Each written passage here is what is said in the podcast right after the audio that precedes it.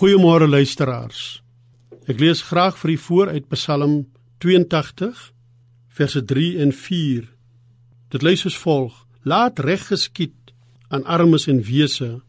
Verdedig die saak van die hulpelose en behoeftige. Bevry die armes en behoeftiges. Verlos hulle uit die greep van goddelose mense. Tot sover. Wat soms moeilik is om te verstaan in ons omgang met die Bybel is dat dit alwel voorkom asof God sekere kategorieë van mense voortrek.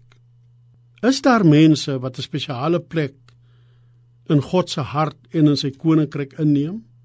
Het Psalm 82 vers 3 tot 4 lyk dit wel so. Ek het dit pas vir u voorgeles.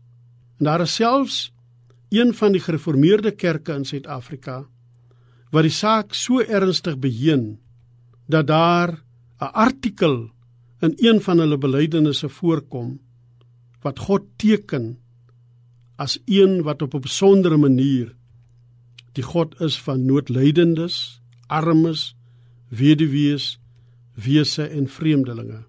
Soveel so dat hy in Psalm 82 half as opstandeling na vore tree.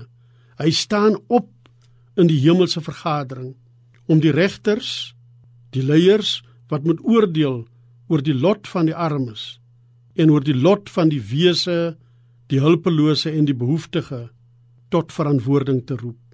Die genade van die ryk van God en te gelykertyd die grootsheid daarvan is dat daar plek is vir allerlei mense, maar ook vir ons.